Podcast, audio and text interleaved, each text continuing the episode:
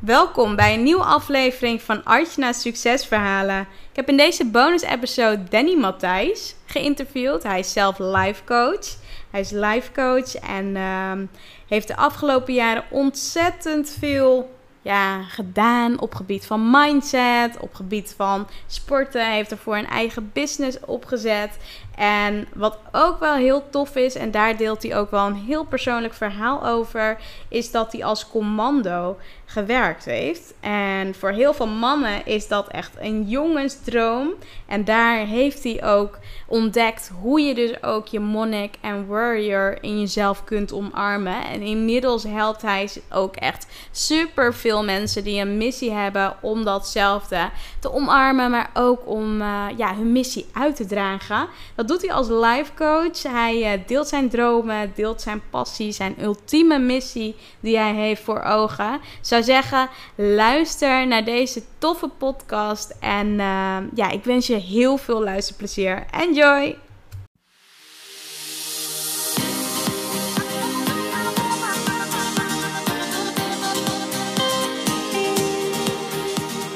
Welkom bij Artjana's Succesverhalen. Mijn naam is Archna van Archna Stories en leuk dat je luistert. Ik ben storycoach, zichtbaarheidsexpert en ik bruis van de energie om jou te helpen naar meer succes in jouw leven. Dagelijks help ik ambitieuze vrouwen om vanuit hun ware kern vol vertrouwen zichtbaar te worden. In deze podcast neem ik je mee op de weg naar succes, de ups en downs en datgene wat vaak niet publiekelijk gedeeld wordt. Get ready! Ik wens je heel veel luisterplezier.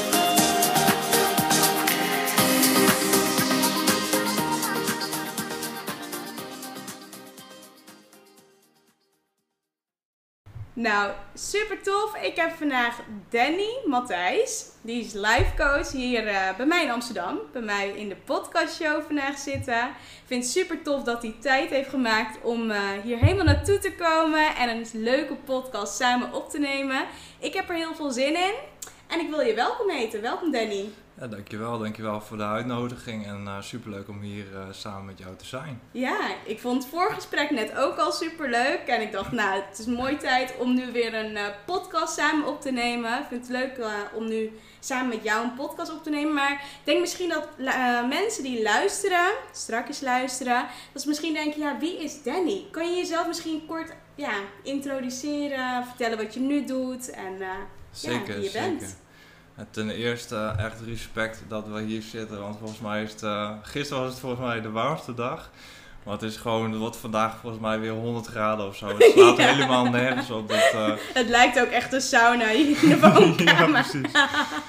maar uh, dat terzijde, uh, ja, ik ben dus Danny Matthijs, ik ben life coach en ik help mensen eigenlijk als life coach om de skill van kalmte in zichzelf te omarmen. En door die kant in jezelf te ontdekken, krijg je meer leiderschap in je leven eigenlijk, waardoor je zelf gelukkiger wordt. En uh, ja, eigenlijk meer impact kan maken in de wereld om je heen. En ik vind het super interessant om mensen te helpen die nu vandaag de dag echt meegezogen worden eigenlijk door alle, alles wat er in het leven gebeurt, verantwoordelijkheden die ze voelen. Um, ja, misschien ook wel nog te veel in dienst staan van anderen. Mm-hmm. Om die mensen echt te leren van oké, okay, wat is nou mijn stukje? Wat is nou mijn eigen purpose? En wat is mijn missie? En hoe kan ik dat meer ruimte geven in mijn leven? En, en ik heb ontdekt dat eigenlijk je eerst dus terug moet naar, naar die kant in jezelf om, dat echt, om daar echt uh, antwoord op te krijgen.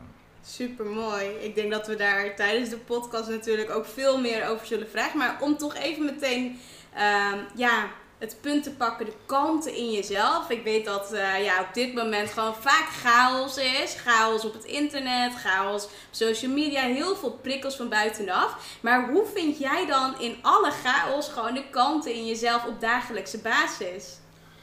Ja, dat doe je eigenlijk door uh, aware te zijn van je vitale functies. En daarmee bedoel ik eigenlijk dus dat je bewust bent van je lichamelijke symptomen. Eigenlijk wat, wat stress eigenlijk doet, want chaos, uh, dat staat wel een beetje in relatie tot stress natuurlijk. Wat er dan gebeurt is, uh, je ademhaling gaat omhoog, je hartslag gaat omhoog, je bloeddruk gaat omhoog. En zonder dat we daar eigenlijk bewust van zijn. En heel veel mensen die, ja, die gaan maar door en door en door. En die hebben Ja. helemaal eh, daar, als je daar niet bewust van bent, dan eh, neemt je lichaam dat eigenlijk als een normaalstand aan. Waardoor je een Mhm. soort van chronische stressstand hebt. Misschien herken je dat van jezelf ook wel, dat je bijvoorbeeld op de bank zit, maar dat je geen rust kan vinden. Dat je ziet van, ja, ik ben nu toch aan het ontspannen. Hoe kan dat nou? ja, dat ja, ik, ja, dat, dat je ik, eigenlijk te lang door bent gegaan. ja, dat ik dan nu mijn huis wil opruimen en dat ik constant dingen omheen zie of dat ik constant gedachten in mijn hoofd heb. En dat komt eigenlijk doordat de lichamelijke activiteit die je dan uitvoert, dus het zitten op de bank, niet meer past bij de lichamelijke symptomen die je voelt. Dus je voelt ook echt onrust in jezelf, Ja, omdat je lichaam dat eigenlijk als een normaal stand heeft aangenomen. Je lichaam die past natuurlijk heel snel aan hoe je je voelt. En het is dus eigenlijk eh, hoe ik het zelf heb ontdekt, maar daar zal ik zo meteen wel een leuk verhaal over vertellen. Eh, maar als je dus meer bewust bent van je ademhaling, van, en dat is eigenlijk een, ja, een systeem of een, een functie van je lichaam die, ja, waar je denkt misschien geen controle over te hebben, maar eigenlijk is het het enige, enige functie in je lijf waar je dus ook echt eh, leiderschap over terug kan pakken. Ja. Je kan middels ademhaling kun je dus weer controle krijgen in je lichaam. ja. En je kan niet zeggen van nou ik wil dat mijn hartslag nu naar beneden gaat bijvoorbeeld. nee, dat is een onbewust proces die je niet kan beïnvloeden. Maar ademhaling bijvoorbeeld wel. En ik ontdekte het eh, zelf eh, op de spoedeisende hulp in Utrecht. En in mijn periode als commando was ik medic. Dus ik moest ja, mensen zeg maar, die gewond waren, moest ik, moest ik helpen. En of ook eh, de, mijn buddies, zeg maar, als die gewond raakten, moest ik, eh, was ik de persoon die die persoon weer moest helpen. En daarvoor eh, ja, liep ik stages op spoedeisende hulpen. En ik weet nog heel goed dat ik in Utrecht was echt... Dit is echt een heel persoonlijk verhaal voor mij. Maar toen heb ik in één week heb ik twee kinderen zien doodgaan en, en een oudere vrouw. En ik weet nog heel goed dat het was, was op, op woensdag werd er een meisje binnengebracht van 18 jaar. Die ehm, bij een gasexplosie, eh, te dicht bij een gasexplosie stond. En die was wa- als het ware weggeslingerd. En eh, nou ja, we kregen dus de melding van er komt een, komt een meisje wordt binnengebracht. En eh, wij stonden dus klaar in onze loodschorten. En nou, dat meisje werd op tafel, was al niet meer aanspreekbaar. En we zijn echt twee uren lang met haar bezig, bezig geweest. En uiteindelijk, uiteindelijk is zij overleden. Nou, diezelfde week op donderdag eh, werd er een jongen binnengebracht. Eh, die was nog jonger, die was 16 jaar. Was aangereden door een auto. Ehm, sorry voor de details, voor de beelddenkers, maar zijn been die hing er half af. Ehm, ik weet nog dat ik het in mijn handen had. Ik denk van, eh, hoe kan het zijn dat ik in deze situatie controle heb? Hè, hoe kan het zijn dat ik dat voel nu?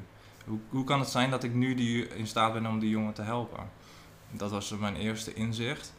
En eh, later in die week op vrijdagavond, ik had dienst tot 10 uur, weet ik nog, werd er om half negen, negen uur werd er een oudere vrouw binnengebracht. En uiteindelijk, eh, zij was gevallen.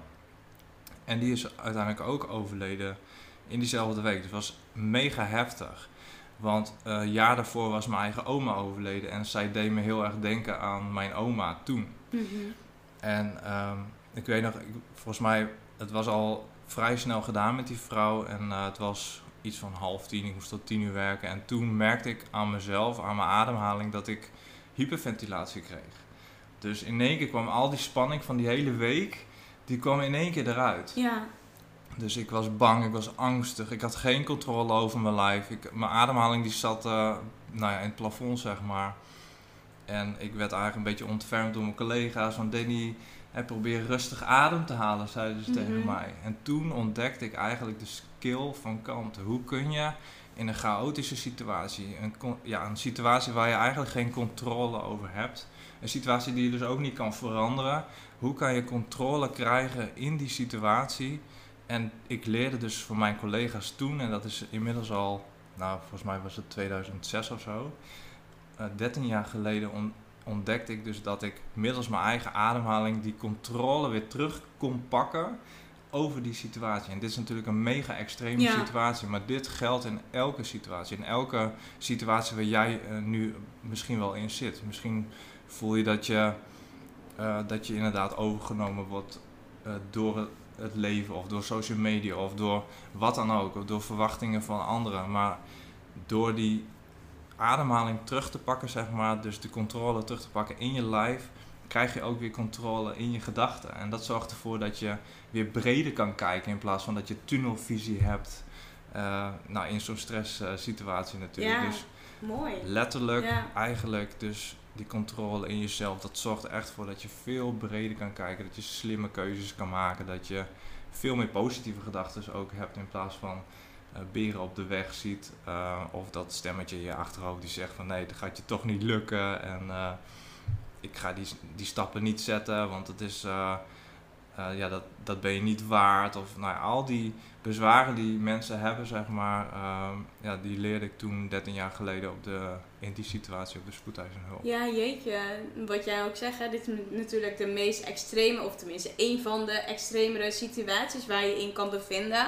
Ik zat meer te denken aan een wat luchtige situatie die ik wel eens heb. Dat ik bijvoorbeeld uh, mijn lichaam, weet je, je voelt vaak ook aan je lichaam als je gewoon of overprikkeld bent, of je voelt gewoon bepaalde ja, prikkels in je lichaam. En mhm. je gaat al vanuit daar weer ademen, bewust ademen. Je voelt gewoon waar dingen zitten dan, ja, dan merk ik dus ook heel vaak dat gewoon als je dus met je ademhaling bezig bent, dat het dan minder wordt omdat je er doorheen ademt. Of je gaat gewoon echt naar de plek toe. Maar in zo'n extreme situatie lijkt het me ook best wel lastig. Want ehm, heb je ook daarna, heb je daarna ook best wel uh, last gehad van die situatie, van die uh, ja, drie heftige gebeurtenissen in die week?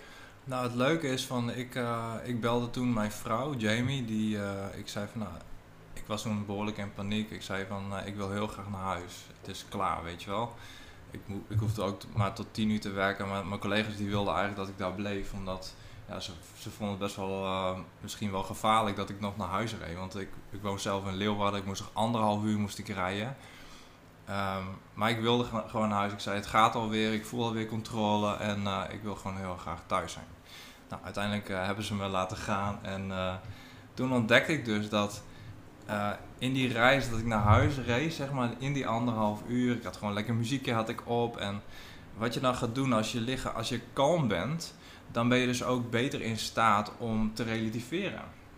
En dus je, bent, je hebt mhm. veel meer controle over je eigen gedachten. En ik weet nog heel goed dat ik thuis kwam, dat ik de, de sleutels uit, mijn, uit het stopcontact van mijn auto haalde en dat ik dacht van, hè, het is klaar, het is weg. Ik heb het een plekje gegeven. Het is, het is onderdeel van, me, van mijn werk. Ik had er met mijn collega's over gepraat.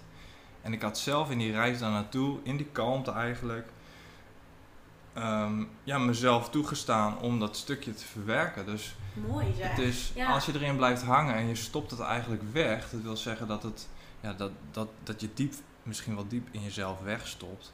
En, en je staat jezelf niet toe om, om dat terug te halen, dus om ermee om te gaan. Ja, dan wordt het een probleem. Dan gaat het groeien in jezelf. Dan komt het op verschillende momenten in je leven komt het er misschien wel uit. En, maar als je jezelf toestaat om die situatie die gebeurd is te evalueren, om het maar zo te zeggen, dan, dan zorgt die skill van kanten er dus ook voor dat je het beter kan verwerken. En dat je het een plekje kan geven. En dat, je, dat je dat kan zien als een ervaring waar je van kan leren en waar je ook andere mensen weer mee kan helpen. Dus ik heb heel erg geleerd om van mijn shit mijn hit te maken, zeg maar. Ja.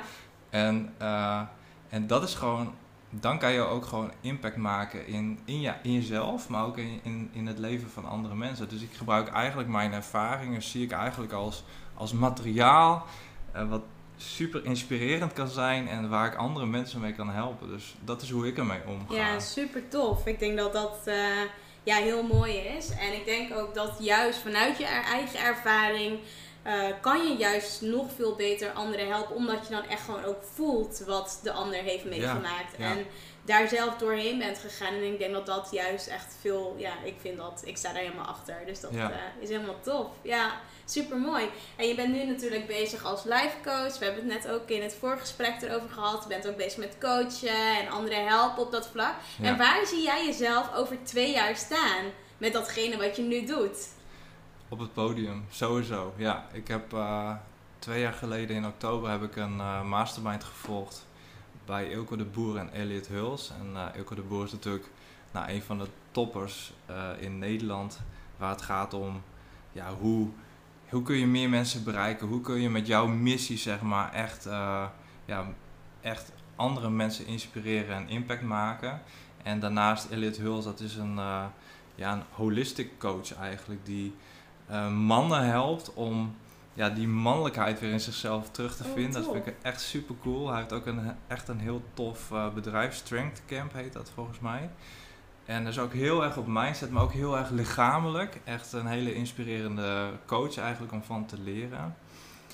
En uh, ik heb daar eigenlijk een, een, ja, een kant-en-klaar plan gemaakt om, uh, om ja, mijn mijn eigen stukje, mijn eigen purpose, eigenlijk mijn eigen missie om dat te gaan uitvoeren. En ik zag mezelf echt over twee jaar staan op het podium. Ik heb 2019 echt genomen om, ja, om echt te husselen. Dus echt mezelf oncomfortabel te maken. Om echt uh, ja, mezelf zichtbaar te maken en uh, challenges te organiseren. Ik lanceer elke maand lanceer ik een challenge. En om echt even door die modder te gaan wat nodig is om echt bekendheid te krijgen. Mm -hmm. En uh, en aan de andere kant had ik voor het tweede jaar, zeg maar 2020, echt mezelf. Uh, en het is wel leuk, het wordt nu helemaal vereeuwigd natuurlijk. Ja, ja, ja. Zeker weten, zeker weten. maar uh, ja, om dan, uh, dan echt op het podium te gaan. En dat wordt. Staat nu vast. Ja, dat wordt waarschijnlijk een driedaagse. En ja, dat heb ik daar, daar, daar eigenlijk dat plan daar gemaakt. Dus ja, het lijkt me echt heel gaaf om op grote schaal um, dit mensen te leren. Want ik zie gewoon wat de impact is van bijvoorbeeld een simpele ademhalingsoefening. Wat, wat voor mij simpel is, maar voor iemand die, die zeg maar in die constante stress, uh, chronische stress ja, stand eigenlijk, ja, uh, dat, uh, dat heel lastig vindt. Dus ja, dat is echt uh, mega. Ik heb er super veel zin in en ik zie mezelf ook daar helemaal staan. Ik ben ook echt groot fan van visualisatie. Dat heeft me ook heel veel gebracht in mijn leven. Ja. En ik heb je daar een voorbeeld van, wat het je allemaal gebracht heeft, van het visualiseren? Ja, ja zeker. Ik, uh, ik, als kind visualiseerde ik eigenlijk al. En um, dat is wel een grappig verhaal. Als ik de hond vroeger uit moest laten, dan, uh, dan had ik altijd een muziekje in mijn hoofd. Misschien heb jij dat ook wel. Ik ben echt best wel muzikaal aangelegd. Mijn broer is uiteindelijk zelfs componist geworden. Dus die schrijft musicals, ook voor Joop van der Ende geschreven. En uh, nou, die, die, is ook heel lang muziekleraar geweest. Maar ik heb er eigenlijk nooit zo heel veel mee gedaan dan alleen maar in mijn eigen gedachten. En ik ontdekte toen al, dat toen ik met de hond aan het wandelen was, dat ik instrumenten kon toevoegen aan het geheel. Of uh, het nummer kon laten overgaan in een ander nummer. En dat ik eigenlijk dus uh, kon, mijn gedachten kon sturen. Dus nou ja, voor je het weet speelt een heel muziekorkest zeg maar, in mijn gedachten. en ja, dat was voor mij, muziek is voor mij heel erg belangrijk. Maar toen had ik eigenlijk al van, wauw, als, als je je gedachten zeg maar kan sturen. En weet je, alles wat, wat, er om je heen, wat je ziet, dat is uiteindelijk bedacht door mensen. Hè? Dat is wat Steve Jobs natuurlijk ook, uh, ook, ook, zegt. En dat vind ik een enorm inspirerende uh, man natuurlijk. Um, maar dat geldt dus ook voor muziek. Muziek kan er niet zijn als iemand dat nooit heeft bedacht. bedacht klopt. Dus, en dat geldt eigenlijk voor alle dingen die je in je leven wil. Alles. Ja, Alles waar je ook maar wil. Als ik, me niet, als ik niet visualiseer dat ik op dat podium sta, dan gaat het ook niet gebeuren. Iets wat niet in je gedachten uh, mag bestaan, kan nooit werkelijkheid nee, worden. Nee. En um, ja, dat was voor mij al, eigenlijk al mijn eerste aanraking met visualisatie. Ja.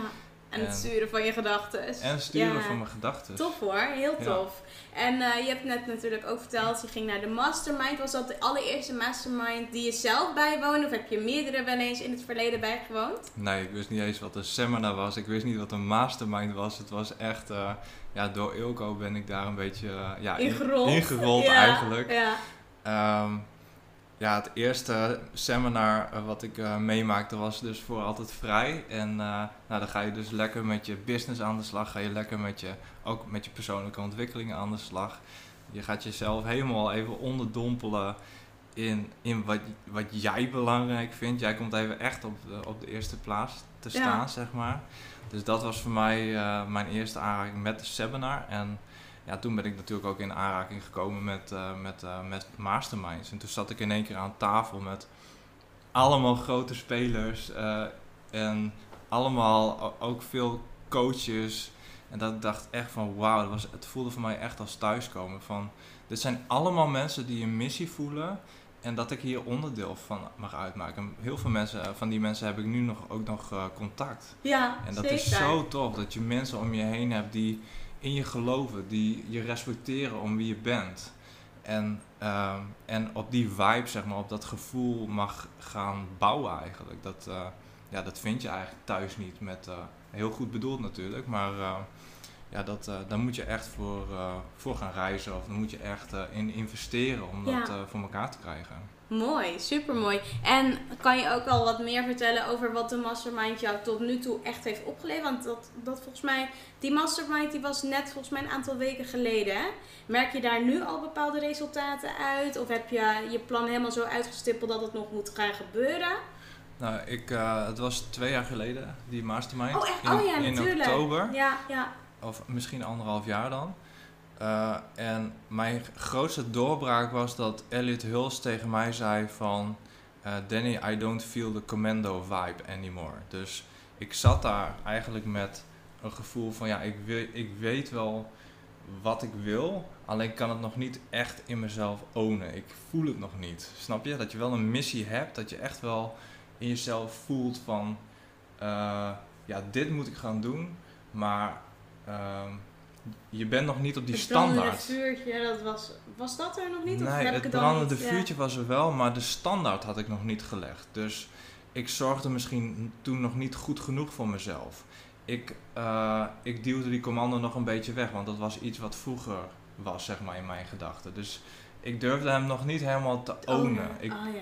omdat Ja. ik toen, zeg maar, daar heel veel aandacht en heel veel dingen heb gedaan. En daarna, zeg maar, een hele lange periode nou, verpleegkundige ben geweest, eh, traumaverpleegkundige geweest. Daarna een eigen personal training business eh, opgezet.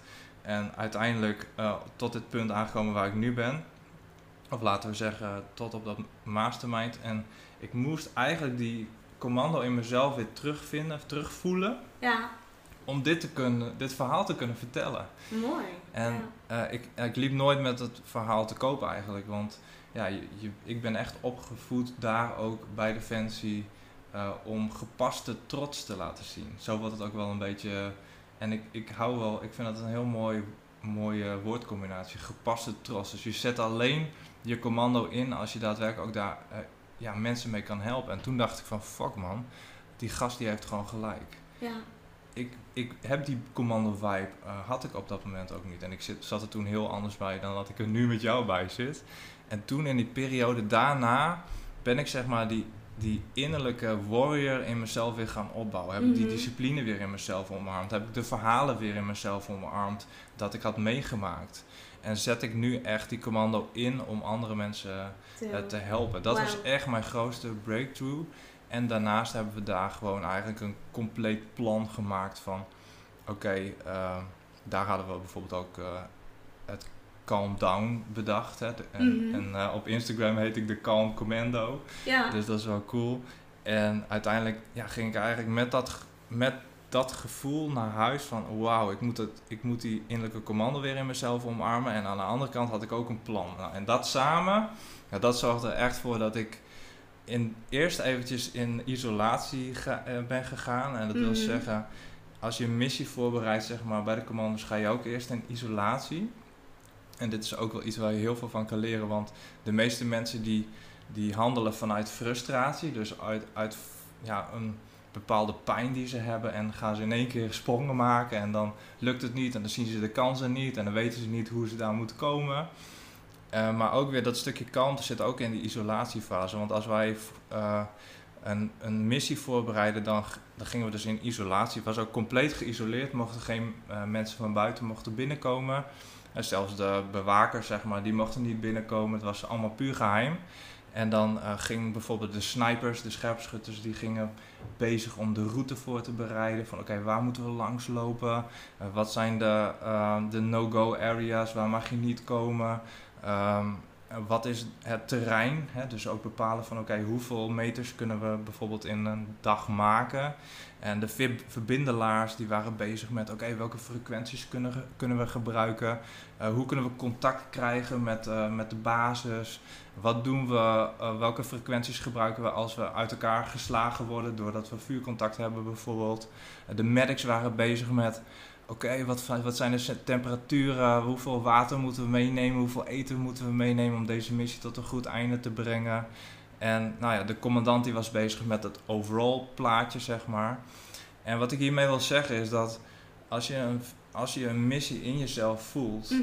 eh, dan moet je eigenlijk ook weer eerst in isolatie om te kijken van oké, wat wil ik eigenlijk en wat, is het, wat zijn de stapjes die ik moet nemen om daar te komen? Ja, ja, super mooi. En aan Ja. de andere kant ook van eh, de what-ifs. Dat zijn zeg maar, ja, oké, wat als we vuurcontact krijgen? Wat gaan we dan doen? Waar ontmoeten we elkaar dan weer? En dat geldt in het leven ook. Van wat als je dus in een bepaalde situatie tere- eh, terechtkomt waarbij je een tegenslag hebt? Wat ga je dan doen? Ga je dan luisteren naar je inner criticus die zegt van, nou zie je nou wel, hè, dit gaat hem niet worden. Of, Ja. of ga je in, eerst in isolatie en zeg je tegen jezelf van, oké, als ik hier tegenaan loop, als ik bijvoorbeeld kritiek krijg van, van andere mensen, Ja.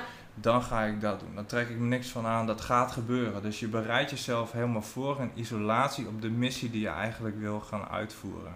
Mooi, super tof. En eh, ik denk dat daar ook al heel veel natuurlijk, ja, daar- ben je nu natuurlijk ook heel veel mee bezig. Je vertelde ook van, hé, je geeft ook die challenges. Je bent ook met het groepsprogramma laatst begonnen. En eh, ja, online programma's, dus allemaal top om te horen. Maar vanaf dat punt, hè, toen bij die mastermind, toen heb je dus een plan natuurlijk. Heb je gekregen, heb je gemaakt. Eh, maar dan vervolgens moet je het gaan uitvoeren. Daar heb je natuurlijk discipline voor nodig. Je, je krijgt te maken met obstakels. Hoe heb je dat tot dit punt helemaal goed kunnen uitvoeren? He- heeft iemand jou accountable gehouden of werd dat gedaan eh, door de mensen die, eh, ja, die ook in die mastermind zaten? Hebben jullie Mhm. elkaar accountable gehouden? Of hoe, hoe gaat dat dan daarna? Ja, ik heb sowieso wel heel veel contact gehouden met de mensen die in die mastermind zaten, omdat het ook allemaal high-level players zijn, zeg maar. Ja. En eh, door met hun af te spreken, blijf je in die vibe, zeg maar. En ik heb gewoon inderdaad met mezelf een afspraak gemaakt en ook met Ilko, dat ik gewoon in 2019 ga husselen. En husselen, eh, en hij zei ook tegen, tegen mij van, is, dat is eigenlijk door de modder gaan. Dus ik zie mezelf weer als, eh, als commando eigenlijk door die modder gaan. Ik Ja. weet dat het nodig is om daar te komen. En dat heeft, ja, discipline, dat is iets eh, wat eigenlijk opgelegd is, vind ik a- vaak. Ik hou, eh, en dat is natuurlijk, als je een missie uitvoert, dan moet dat kosten wat het kost doorgaan, omdat je een overkoepelend belang hebt. Hè? Je hebt een Mhm. overkoepelend belang, eh, ook al vallen de gewonden, dan ga je alsnog door bijvoorbeeld. Hè? Ja. Dus, eh, dus dat is meer opgelegde eh, motivatie om het zo te zeggen. Maar ik hou nu veel meer van, oké, ik zie dat andere mensen ook gewoon megestappen aan het maken zijn. En dan denk ik van, wauw, ja, dat wil ik dus ook. Dus ik, ik gebruik hun echt ook als een inspiratiebron om door te bouwen. En wat Ilko ook heel vaak zegt is, eh, je moet jezelf smijten. Ja, dat doe ik ook echt. Dus Ja. ik smijt mezelf elke maand weer in zo'n challenge. En Ja. ik heb daarin een heel mooi, ehm, een hele mooie ehm, werkstroom eigenlijk voor mezelf gecreëerd. Daar zou ik misschien zo meteen ook wel wat, wat meer over vertellen. Waardoor ik aan de ene kant dus die kant in mezelf kan, eh, kan terugpakken op Mhm. regelmatige basis. En mezelf iedere keer na zo'n challenge opbouw als die warrior in mezelf. En het daar volledig kan zijn. Dus ik own het dan helemaal. En je moet je voorstellen dat zo'n challenge week die duurt dus een week. Daarna heb ik eh, vaak eh, ongeveer een week of anderhalve week heb ik gesprekken met mensen ja. die een ontdekkingssessie hebben aangevraagd. En dan kijken we van oké, waar sta je nu? Waar wil je graag naartoe? Wat zijn de stappen die je daarin hebt te nemen?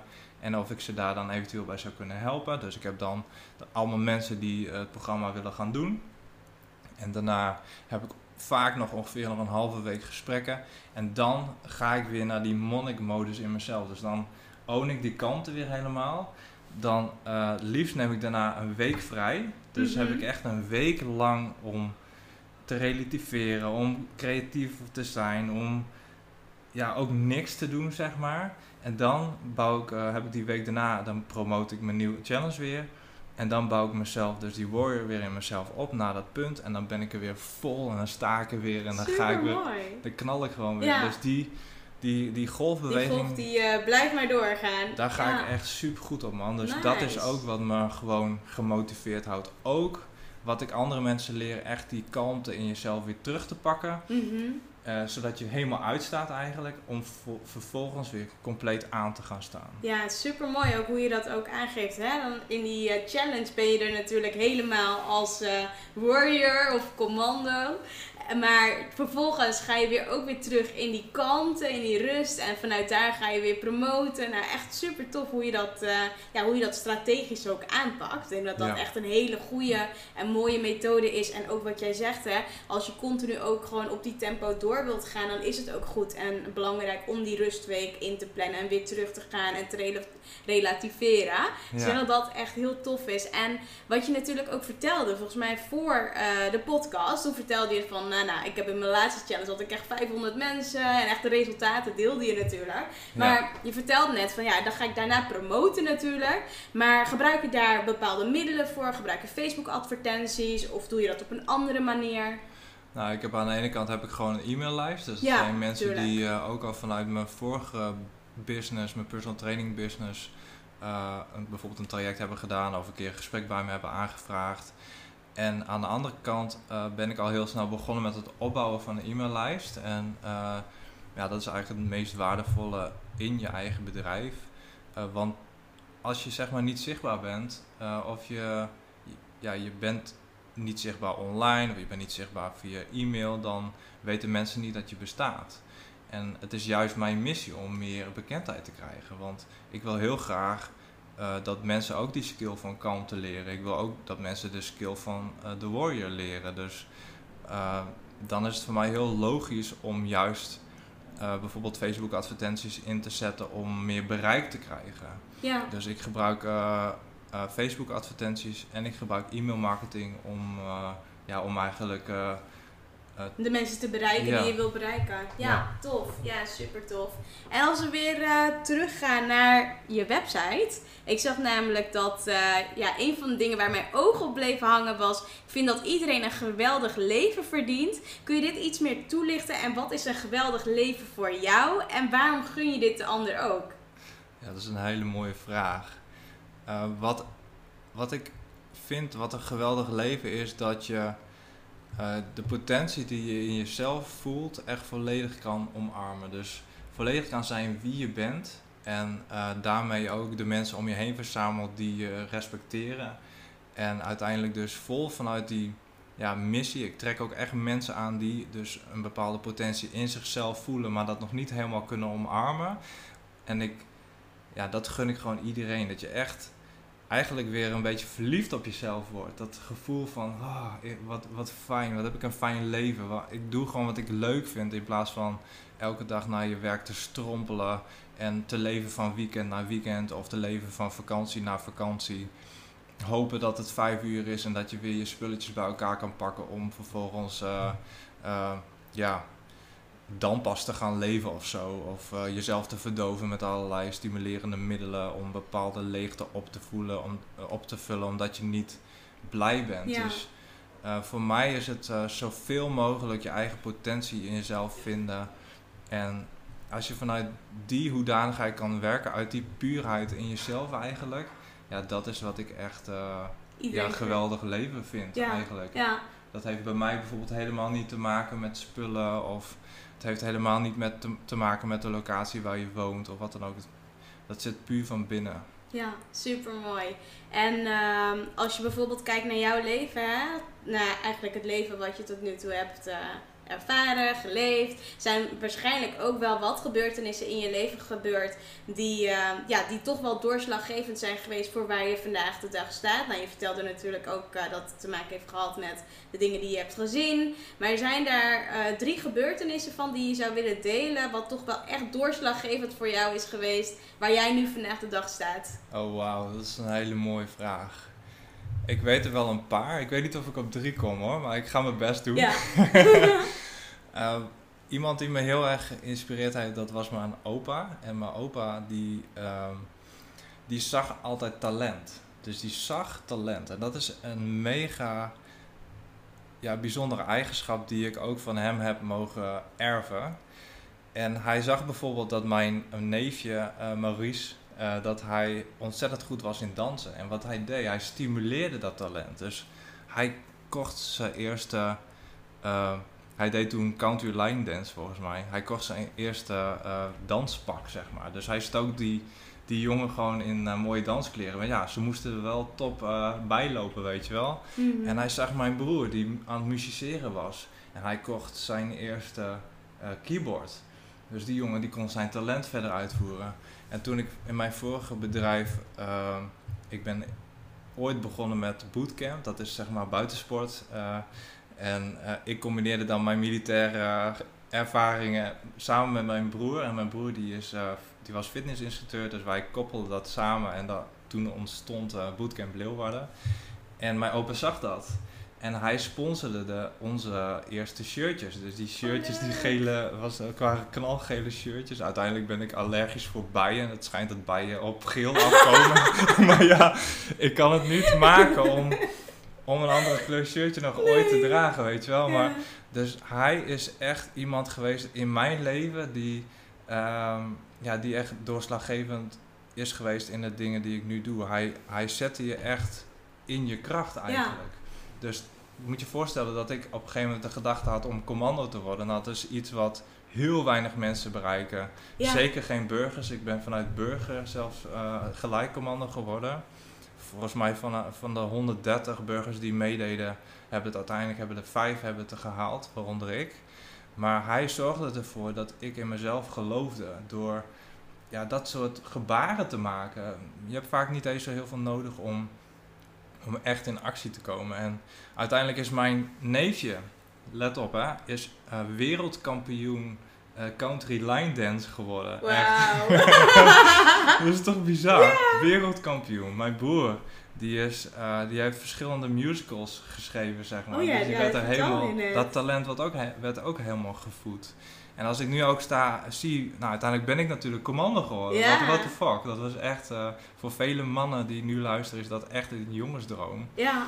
En ja, dus dat is, heeft voor mij sowieso een hele doorslaggevende Zo mooi, hè? gebeurtenis geweest. Ja. Ja.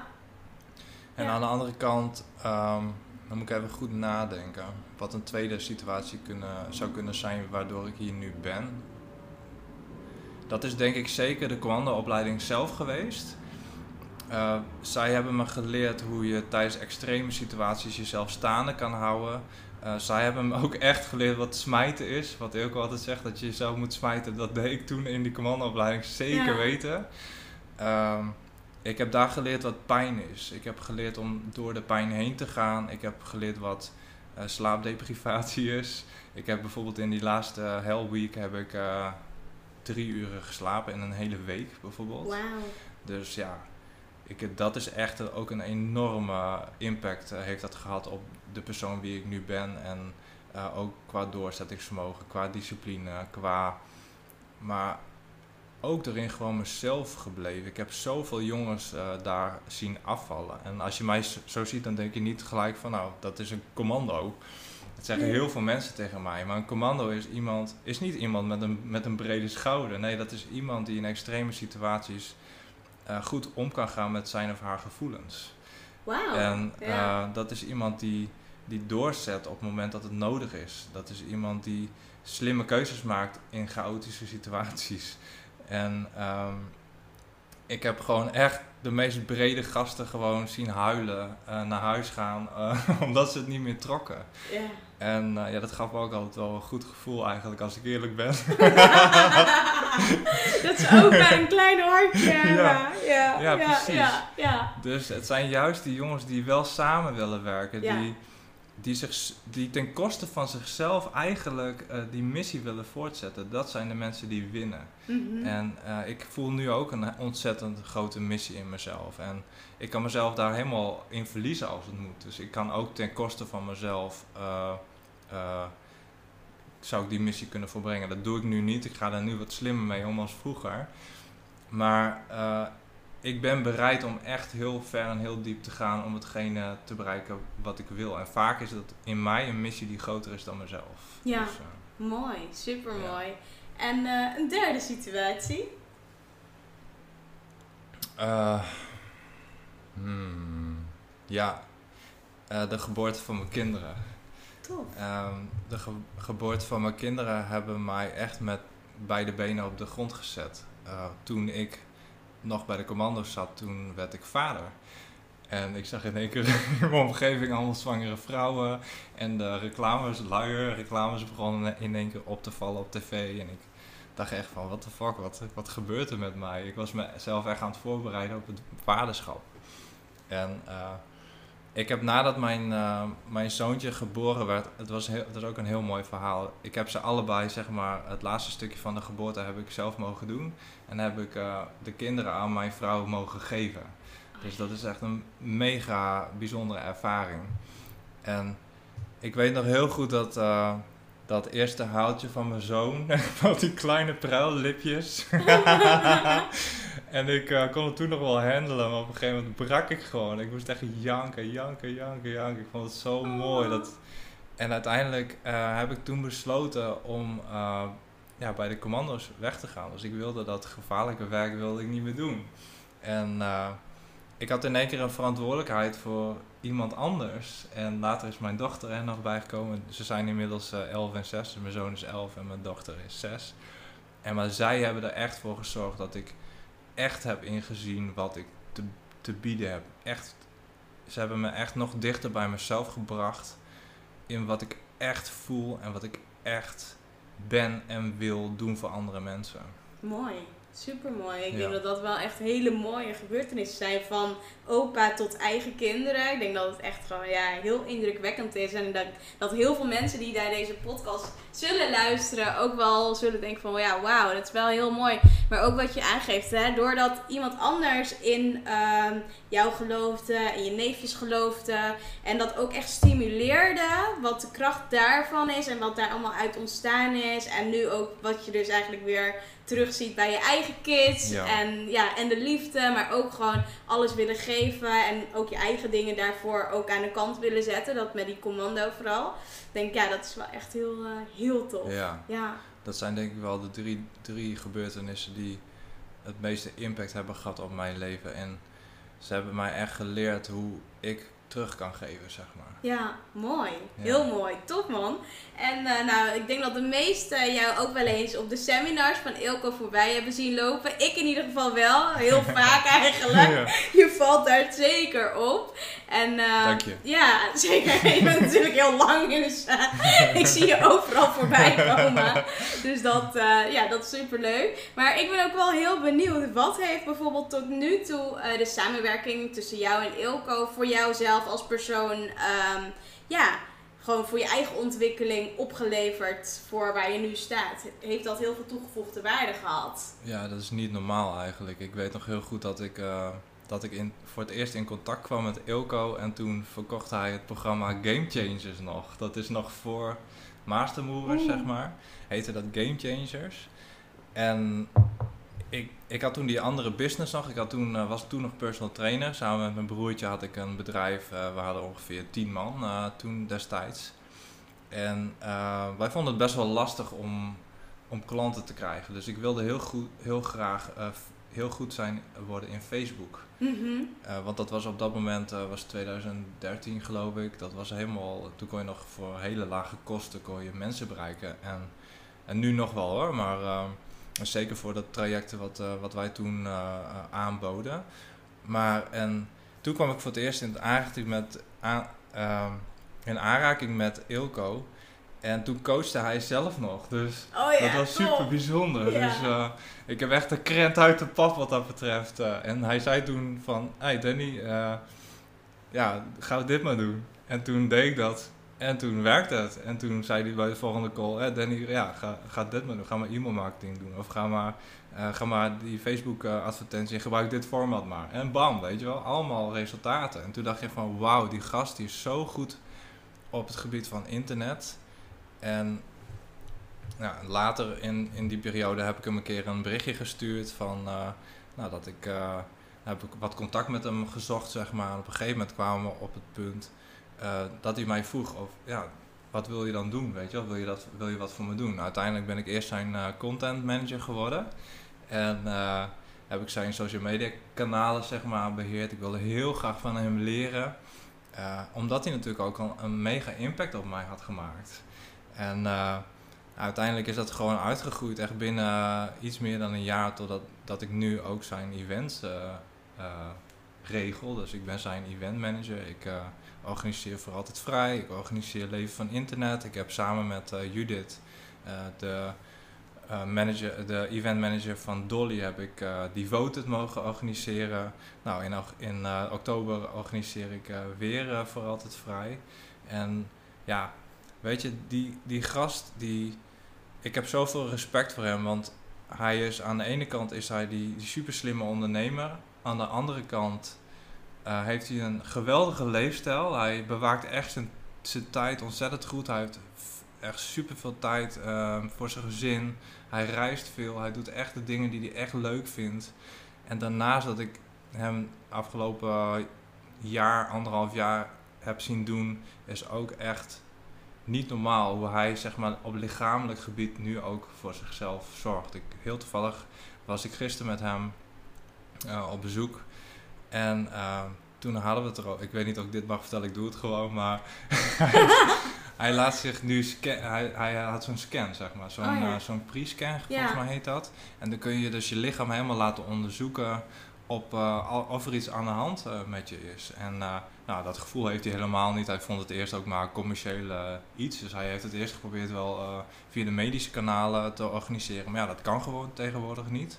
Dus hij dacht van, nou weet je, ik ga het gewoon doen. Ja. En ik heb zoveel respect voor hem, want als je in staat bent om jezelf compleet naar een hoger, hoger level te, trekken, zowel op businessvlak als, als, als lichamelijk, gezondheid, en dan ook nog zo goed kan zorgen voor je omgeving. Ja, dat is echt iemand waar ik heel graag van wil leren. Hij is echt mijn, uh, voor mij zeg maar, mijn persoonlijke mentor en ja, ook echt wel een vriend geworden. Dus uh, ja, dat is eigenlijk de reden waarom, ik, uh, waarom hij ook zo heel veel impact heeft uh, gerealiseerd in, uh, in mijn eigen, in, in mezelf, maar ook in mijn business. Mooi. En je hebt het over game changers. daar heb je het natuurlijk net over gehad. In welke periode was dat? In welk jaartal gaan we dan weer helemaal terug? Volgens mij lang, hè? Ja, dat ja. 2013 denk ja, en toen had je dus je eigen, al je eigen bedrijf zijn met je broertje. Ja. ja, tof.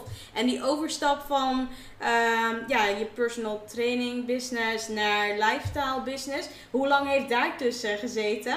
Uh, niet zo heel lang. Ik voelde eigenlijk dat ik uh, steeds meer een trainer werd. Ja. Uh, terwijl ik veel meer coachverlangens had. Ik merkte dat ik met coaching ja, super veel mindset shifts bereikte, zeg maar.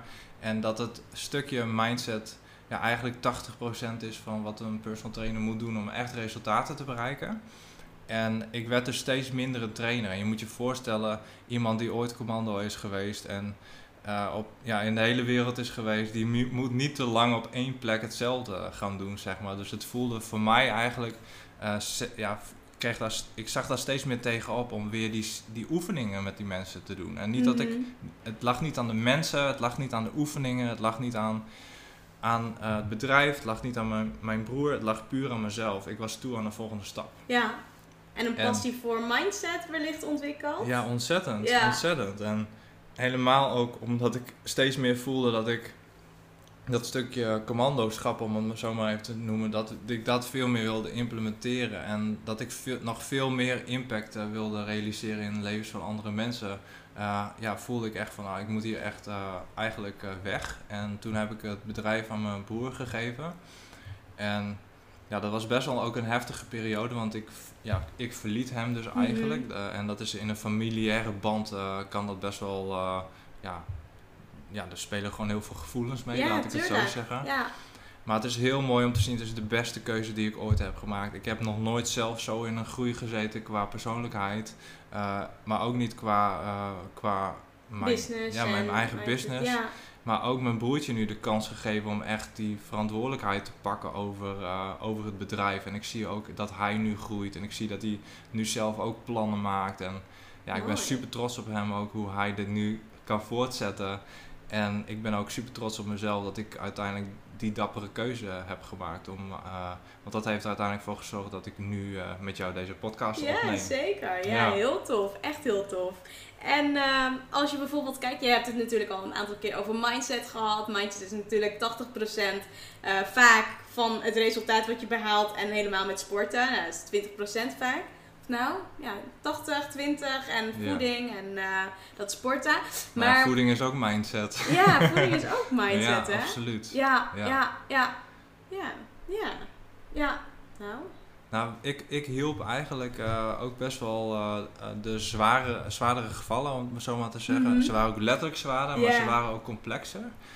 En, um, en dat zorgde er eigenlijk voor, omdat ik ook uh, heel graag zeg maar, die mindset wilde teachen. Dat die mensen ook aantrok. Zo simpel is het. Dus, ja, mooi. En mijn broertje die, uh, is juist een, een hele, uh, een hele goede trainer. Dus hij is echt, hij weet alle spieren in je lichaam. Hij weet precies hoe, welke trainingsvorm het beste past om je doel te halen. Dus hij was daar helemaal mee bezig. Ik was helemaal, dus ik had daar iedere keer de zwaardere geval. En hij Ja. had juist hè, die lui die echt eh, die maar een beetje energie nodig hebben. En die knallen gewoon maximaal door, weet je Oh, wel. ja, Dus tof. Ja, super. En maar- als je kijkt naar bijvoorbeeld eh, het stukje mindset en de boeken die je op dat vlak hebt gelezen, heb je dan misschien een aantal tips of boekentips die jij hebt gelezen en die je eigenlijk iedereen aanraadt? Eh, ja, ik ben zelf heel erg geïnteresseerd in, in hoe je in flow komt, zeg maar. Daar ben ik nu met name heel erg mee bezig. Het boek Flow is een hele mooie. Hij heeft volgens mij is die te koop voor 80 euro. Ik heb nog nooit zo'n duur boek gekocht, maar ik was daar mega in ge- geïnteresseerd. Maar ook eh ademhalingstechnieken bijvoorbeeld van Wim Hof. Hoe ziet, dat, eh, hoe ziet Ja. dat eruit? Hoe kan je middels hyperventilatie ook dus die warrior in jezelf opbouwen? Hoe kun je meer in die twee extremen gaan zitten? Dus hyperventileren is het tegenovergestelde natuurlijk van een ademhalingstechniek die je toepast als je kalm wil worden. Dus Ja. hoe kan je van, en dat heet op het moment dat je dus in stress bent, dan is je, ehm, eh, je sympathisch zenuwstelsel is actief. Dus Mhm. dat staat voor actie, voor fight of flight of fright. Hè? Ja, Dus, ja, ja, ja. en het tegenovergestelde is je parasympathisch zenuwstelsel. Dat staat voor peace, voor rust, voor slaap, voor, eh, voor eh, ontspanning en voor verteren van je, van je voeding en dat soort dingen. Dus hoe kun je van, van hyperventilatie bijvoorbeeld naar, naar een, een normale ventilatie gaan. Dus dat vind Ja. ik ook super interessant. Dus dat boek vind ik, eh, vind ik van hem. Van Wim Hof. ja, Ja. Alle, alle boeken die hij wellicht heeft geschreven samen met, eh, met, met Koen, volgens mij is ook zo'n eh, zo'n ademhalingsexpert. Die vind ik super interessant. En heb je dan ook wel eens in een ijsbad gelegen? Of dat nog niet, of wel? Ja, zeker. Ik heb dus ik heb mijn moeder dat cadeau gedaan. En eh, we zijn dus echt naar eh, Wim Hof zelf geweest om, eh, om, die ijs, om dat ijsbad te doen. Ik, had, ik heb zelf in Noorwegen een keer in een wak gesprongen. Dus dat was nog in de periode bij de commando's. Ik weet nog heel goed, dan moest je met een rugzak aan één arm... Op twee skis, met twee skistokken sta je dan voor zo'n wak. Oh, dan moest je er, met kleren en al moest je erin springen. En dan moest je eerst naar de kant zwemmen met die rugzak. Dan moest je vervolgens je rugzak op de kant leggen. Dan je beide skistokken moest je in, de, in het ijs prikken. Om jezelf dan eruit eh, te laten. eh, ah, maar dan moest je eerst je registratienummer opzeggen. en dat je ademhaling helemaal door het dak gaat, zeg maar. Zat je, zit je zo helemaal, je ademhaling die stokte helemaal.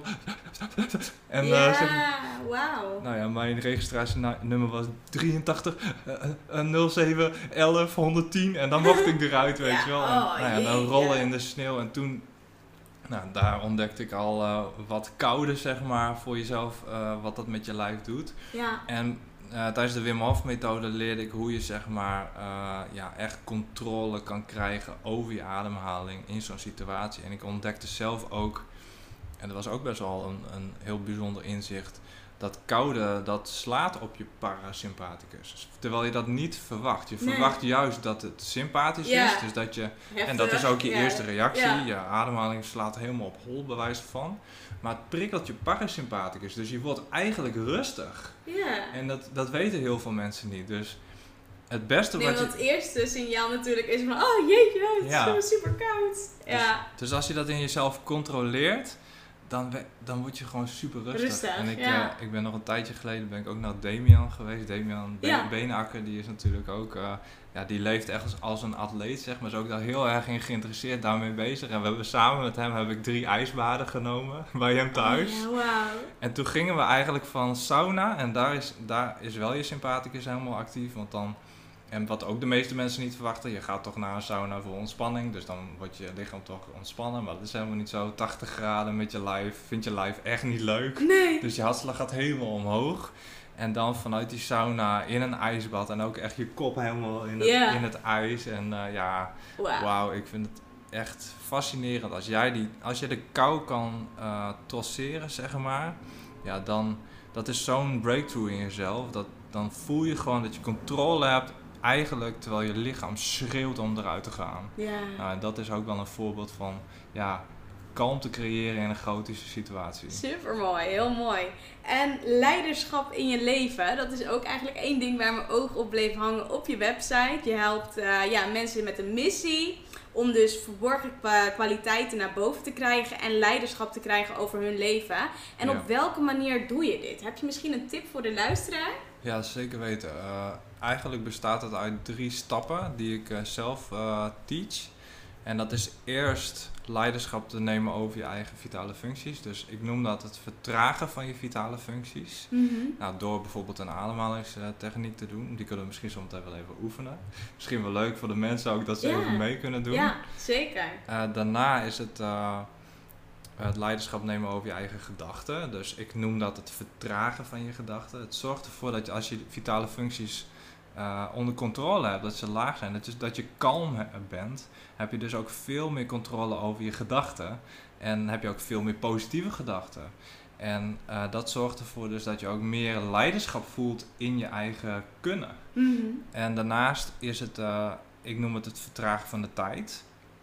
En dat is dus goed kijken naar je eigen tijdschema. Van oké, wat zijn activiteiten die me gewoon ontzettend veel energie kosten en ja, moet ik niet meer doen. Hè, Wat, wat Ilko ook eigenlijk eh, altijd teach, waar hij altijd, eh, ja, dat is gewoon eigenlijk de grootste gamechanger denk ik. Dat je echt besluit van om, om, sommige, om gewoon te stoppen met mensen ook die eh, energie kosten. Stoppen met dingen die gewoon heel veel energie kosten. Ja, En die drie dingen samen zorgt er eigenlijk voor dat je ruimte creëert op alle vlakken, op alle fronten.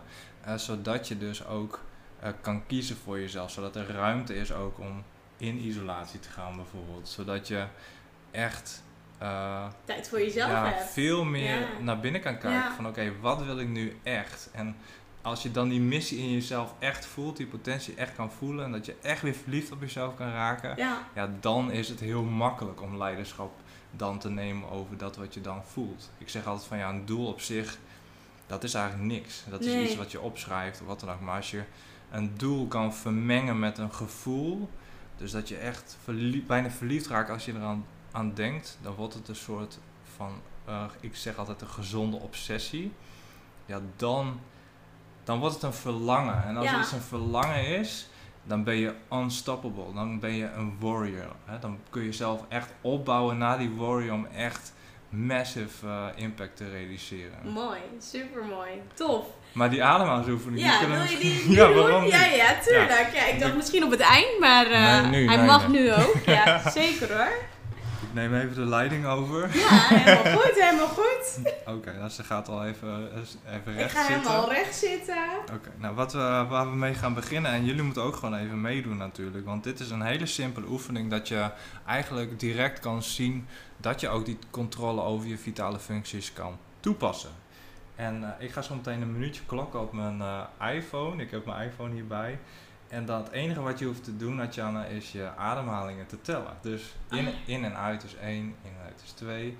Probeer je ademhaling niet te veranderen, hè, want het, we zitten er gewoon nu zo bij zoals we er nu bij zitten. Ja, En het maakt helemaal niet uit wat voor getal Ja. er uiteindelijk uitkomt. Ja. Dus Top. maak je vooral niet druk. nee. Ja, ehm, ja, gewoon je ademhalingen tellen. En als je nu ook meeluistert, dan ga ik zo meteen van 3 naar 0 tellen. En dan mag je beginnen. En dan zeg ik vanzelf van, oké, de minuut is voorbij.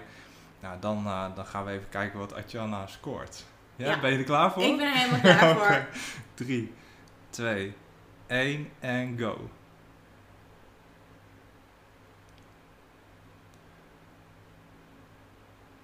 Ze zitten wel aardig rustig bij, moet ik zeggen.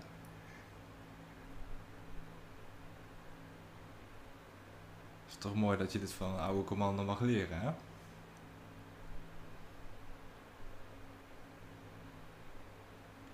Gaat goed. Ook als je nu meedoet, super. Je gaat hier heel veel uithalen.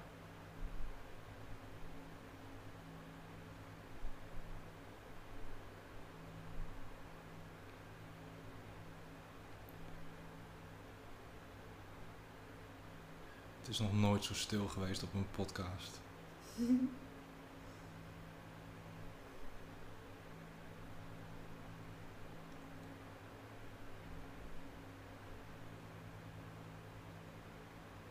Drie, twee, één en stop maar. Wat had je? 23. 23. Maar ik Nou, merkte wel op een gegeven moment, eh, ja, op een gegeven moment begon ik echt gedachten te hebben tijdens het tellen. En toen Uh-huh. raakte ik afgeleid. en toen dacht ik, oh ja, ik hoorde opeens 3, 2, 1. En ik dacht dat ik mij nog vet veel tijd over had. Want ik dacht, oh ja, ik doe gewoon 1 seconde waarschijnlijk per ademhaling. Maar dat ging dus iets langzamer.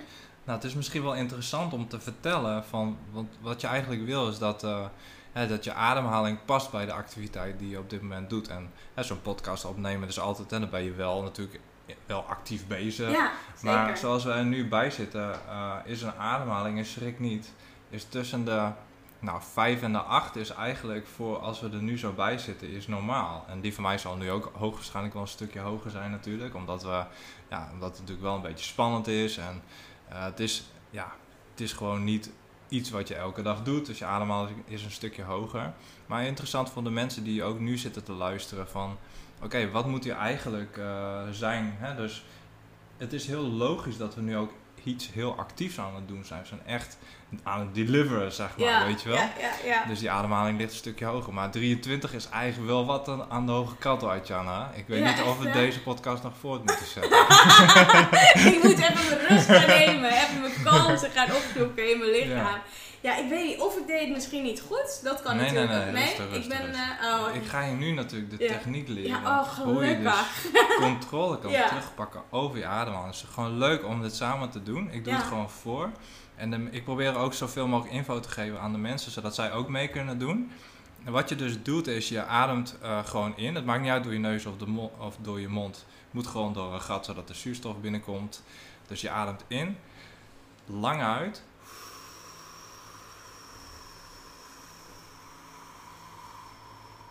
Op het einde hou je even vast, totdat je de natuurlijke behoefte voelt om weer in te ademen. En dan adem je hem weer in. In, lang uit. Vast. En pak je eigen tempo. Dus pas als je de natuurlijke behoefte voelt om weer in te ademen, adem je weer in.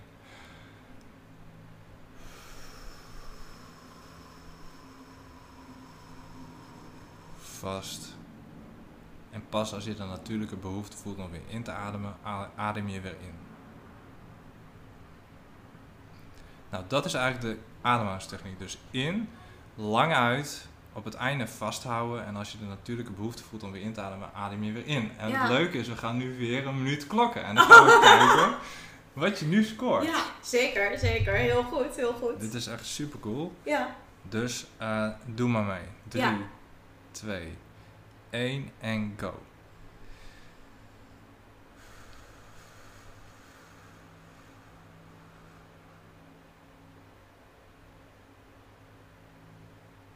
En pak gewoon je eigen tempo. En vergeet niet te tellen.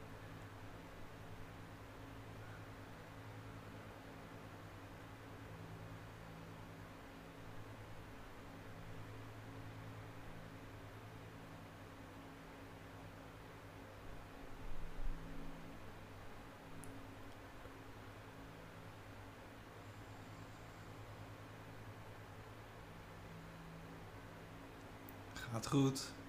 Ga door.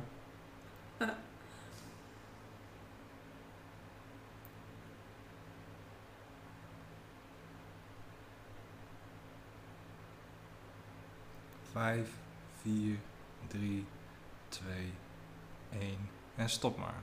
Hoeveel ademhaling kwam je uit? Zes. Zes. Ja, ik was nu bij de 5,5, 6 bijna uitademen. Kun je nagaan, een verschil hè, van 23 naar 6, what the fuck. Ja. En kun je nagaan als je bijvoorbeeld, waar we het net over hadden, dat je constant aanstaat. Dat je constant dat stresslevel eigenlijk ervaart, die chronische stress zonder Ja. dat je het door hebt. En we hebben nu één minuutje geklokt, hè. Dus kun je nagaan wat voor energie dit scheelt in één minuut. Ja. Dan moet je dan eens voorstellen wat dat voor verschil is in een Ik voel uur. meteen ook heel eh, een stuk kalmer. Ja. ja. Nee, maar wat voor verschil in een uur? Of in een week? Ja. Of in een maand? Of een jaar? Het is logisch dat als jij niet weet en niet leert hoe je moet ademhalen en maar doorgaat en maar doorgaat, dat je, dat je overspannen raakt. Of Ja. dat je een burn-out eh, krijgt. Of dat je je niet lekker voelt. Dat je je potentie niet in jezelf kan omarmen. Omdat je gewoon helemaal eigenlijk ja, afgebrand bent. En dit is een hele mooie methode om, om dat inzichtelijk te maken, ook in de mensen die nu luisteren. Van, ja, er is, Mhm. het is zo, zo simpel, zo effectief. Dat is, dit is echt een, iets wat ik sowieso heel veel mensen wil leren. Ja, mooi. Super tof. Ja. En het, ja, ik denk dat dat juist heel goed is om die bewustwording vooral te, te hebben en Ja. te creëren. eh, zodat je dus ook op zo'n tempo kunt ademen. In plaats van dat gehaaste. En Ja. denken van, oh ja, dit is gewoon goed. Maar het kan gewoon veel, ja, veel fijner. Ja. En dat eh, ervaar ik zeker met eh, de tweede keer. Ten opzichte van de eerste keer. Ja, Dus sowieso super tof. Dus dankjewel ook voor deze tip. ja. Ehm, waar ik heel benieuwd naar ben, is natuurlijk, je hebt het eigenlijk volgens mij ook al een beetje gegeven. Je gaat aankomende maanden natuurlijk één keer per maand een challenge geven. Maar Mhm. hoe ziet de rest van 2019 voor jou eruit? Uh, alleen maar dat. Dus ik heb met mezelf echt een, een, een, een focus voor mezelf gecreëerd waarin ik elke maand een, een lancering doe. Dus ik ga elke maand een challenge uh, geven. Ik heb de Calm Down Challenge waar ik, waarin ik dus leer hoe mensen controle kunnen krijgen over hun vitale functies. Controle kunnen uitvoeren uh, op hun gedachten en uh, daarmee dus ook op hun tijd. Om impact te, ge- te realiseren in hun eigen leven. Ik heb de visualisatie challenge die ik oh, ja, geef. Tof. Ja. Waarin ik vier dagen lang met mensen ga visualiseren naar hun grotere en betere toekomst. Dus dat ze ook echt dat verliefde gevoel kunnen gaan voelen voor de missie die ze hebben. En ik heb daarbij ook een eigen visualisatiepodcast. Dat is ook wel leuk om, oh, cool. uh, als je dat interessant lijkt, uh, dan kun je gewoon zoeken op visualisatiepodcast en dan kom je daar ook op terecht. Leuk, leuk. En, uh, en daarnaast, um, ja, die challenges die organiseer ik om ja, mensen ook zo'n mini-transformatie te geven, zoals jij nu ook een beetje ervaarde. En, en dat zorgt ervoor dat, uh, dat, je, dat je eigenlijk dat stukje van jezelf weer terugvindt. Mhm. En dat is wat ik, uh, wat ik elke maand ga doen. Nou, vervolgens uh, heb ik natuurlijk ook heel veel mensen die ik op dit moment coach. En mensen kunnen dan ook instromen in het programma na de challenge. Dus dat is ook heel erg leuk. En ik, ik wil ook echt die mensen gewoon. Ik wil ook echt deliveren. Dus naast het feit dat ik die challenges geef, ben ik ook echt voor de mensen die, uh, die op dat moment het traject volgen. En dat, ja, dat, daar gaat gewoon ook heel veel tijd in zitten. Dus dat Mooi. is ook de reden. En ook omdat ik mijn privéleven ontzettend uh, belangrijk vind. En heel veel uh, aandacht wil geven aan mijn eigen kinderen en aan mijn vrouw en aan de vrienden waarvan ik hou. En dat is voor mij nu uh, eigenlijk de main focus van 2019. Leuk. En nou ja, 2020 wordt dan ook, ja, dan moet ik op het podium nu, hè? Ja, zeker, zeker. Daar houden we je aan. Ja, zeker Ja. weten. En wat is jouw ultieme missie? Nou, mijn ultieme missie is zo, ja, om zoveel mogelijk mensen hiermee te helpen. En uh, ik heb daarin geen plafond of zo voor mezelf. Uh, ik voel echt in mezelf dat ik, dat ik heel veel mensen hiermee kan helpen. Dus uh, ik, ik stop ook niet. Ik zie mezelf ook niet stoppen of zo. Dat ik nee. op, mijn, op mijn 65ste bijvoorbeeld met pensioen ga. Nee, dit is echt iets wat ik wil geven. Dit is iets wat ik wil brengen. En ik denk dat het ja, juist in deze tijd waarin iedereen afgeleid is en constant aanstaat. En eigenlijk zitten we nu in een soort van shift van, uh, van uh, ja, van zonder social media, zonder uh, mobiele te telefoon in één keer binnen een paar jaar heb je een complete computer op je telefoon staan, zeg maar. Mm -hmm. En heb je, ben je constant connected met alles en iedereen om je heen. En ja, ik stop gewoon niet totdat ik zo, ja, totdat ik heel veel mensen heb geholpen om de skill van kalmte, ja, dus de monnik te leren en ook die warrior eh, te leren. Super, super mooi. En wat is jouw eigen grootste droom nog die je nog hebt? Ehm, nou, mijn grootste droom is dat ik uh, sowieso een hele mooie en veilige toekomst voor mijn kinderen kan uh, realiseren. En dat ik, ja, dat, ik wil ook heel graag nog veel meer gaan reizen. Mm -hmm. Dus ik zie mezelf ook over een aantal jaar misschien wel een wereldreis maken met, met mijn kids als het als dat kan met de leerplicht en dat soort dingen heb ik nog niet uitgezocht hoor. Maar dat lijkt me heel gaaf om mijn kinderen dat ook als ervaring mee te geven. En misschien ook in de toekomst te gaan emigreren naar een, een warme klimaat. Dat lijkt me heel erg gaaf. En ja, omdat eigenlijk mijn, uh, mijn coachingspraktijk, zeg maar, is compleet locatie onafhankelijk. Fijn. Dus ja. dat zorgt ervoor dat we ja, dat ik gewoon ook veel meer ervaringen kan uh, realiseren. En ook veel meer kan reizen. En misschien ook wel ja, een paar jaar uh, ergens anders te wonen. En dan uh, nog veel meer levenservaring opdoen. Dat ook weer te teachen aan mensen. Dus ja, ik ben nog lang niet uitgeleerd. Leuk, leuk. Klinkt in ieder geval super tof en ja. super leuk. Ik wil je natuurlijk bedanken voor uh, deze toffe podcast, alle leuke informatie, de oefening die we samen hebben gedaan. Ik vond het echt uh, heel bijzonder om je hier te hebben, ook om jouw verhaal te horen. Echt uh, diepe respect voor wat je allemaal hebt meegemaakt en hoe je dat nu doorgeeft op jouw manier nu op dit moment. Ja. En ik vond het super tof. wellicht heb je nog ook ja, waar mensen je kunnen vinden of kunnen opzoeken, dat je dat zelf nog even wilt doorgeven. Ik zal het ook in de podcast uh, erbij zetten, maar ik denk dat het leuk is dat je het zelf ook nog even deelt. Ja, nou dankjewel. Ik vond het ook heel fijn om hier uh, te zijn met je. Ook, uh, ik vond het superleuk om het gewoon persoonlijk ook te doen. Dus ja. we zitten nu echt gewoon ook naast elkaar. Dus dat, maakt het gewoon zo'n gesprek veel, veel fijner ook voor mij. Ja. En ja, als mensen meer van me willen weten, dan kunnen ze naar calmdown.nl. Dat is eigenlijk, daar staat altijd de challenge die op dat moment actief is. Dus zo kunnen ze kennis met me maken. En als je me op Instagram wil volgen, ga dan naar @thecalmcommando. En maar ja, dat is eigenlijk uh, wel hetgeen waarop mensen me kunnen vinden. Leuk. Dus ik vond het nogmaals heel fijn om hier te zijn en om dit om ook het verhaal met jou te delen. Ja, dankjewel. Heb je nog een afsluitende les of takeaway of advies wat je mee wilt geven aan de luisteraars? Ja, ik denk die ademhalingstechniek die we net hebben gedaan, probeer dat gewoon ja, regelmatig toe te passen. Juist op het moment dat je in stress bent, maar ook op het moment dat je, dat je denkt dat je rustig bent. Om dan nog een diepere laag terecht te komen. En daarnaast ja, dat zorgt ervoor dat je een soort van awareness opbouwt in je, in je ademhaling, zodat je bewust bent van je ademhaling. En dat Mhm. kan een enorme uh, ja, verbetering betekenen in je, in je leven. Dus dat wil ik heel graag nog doorgeven. Tof, dankjewel. Thanks. Ik vond het super leuk. Dankjewel.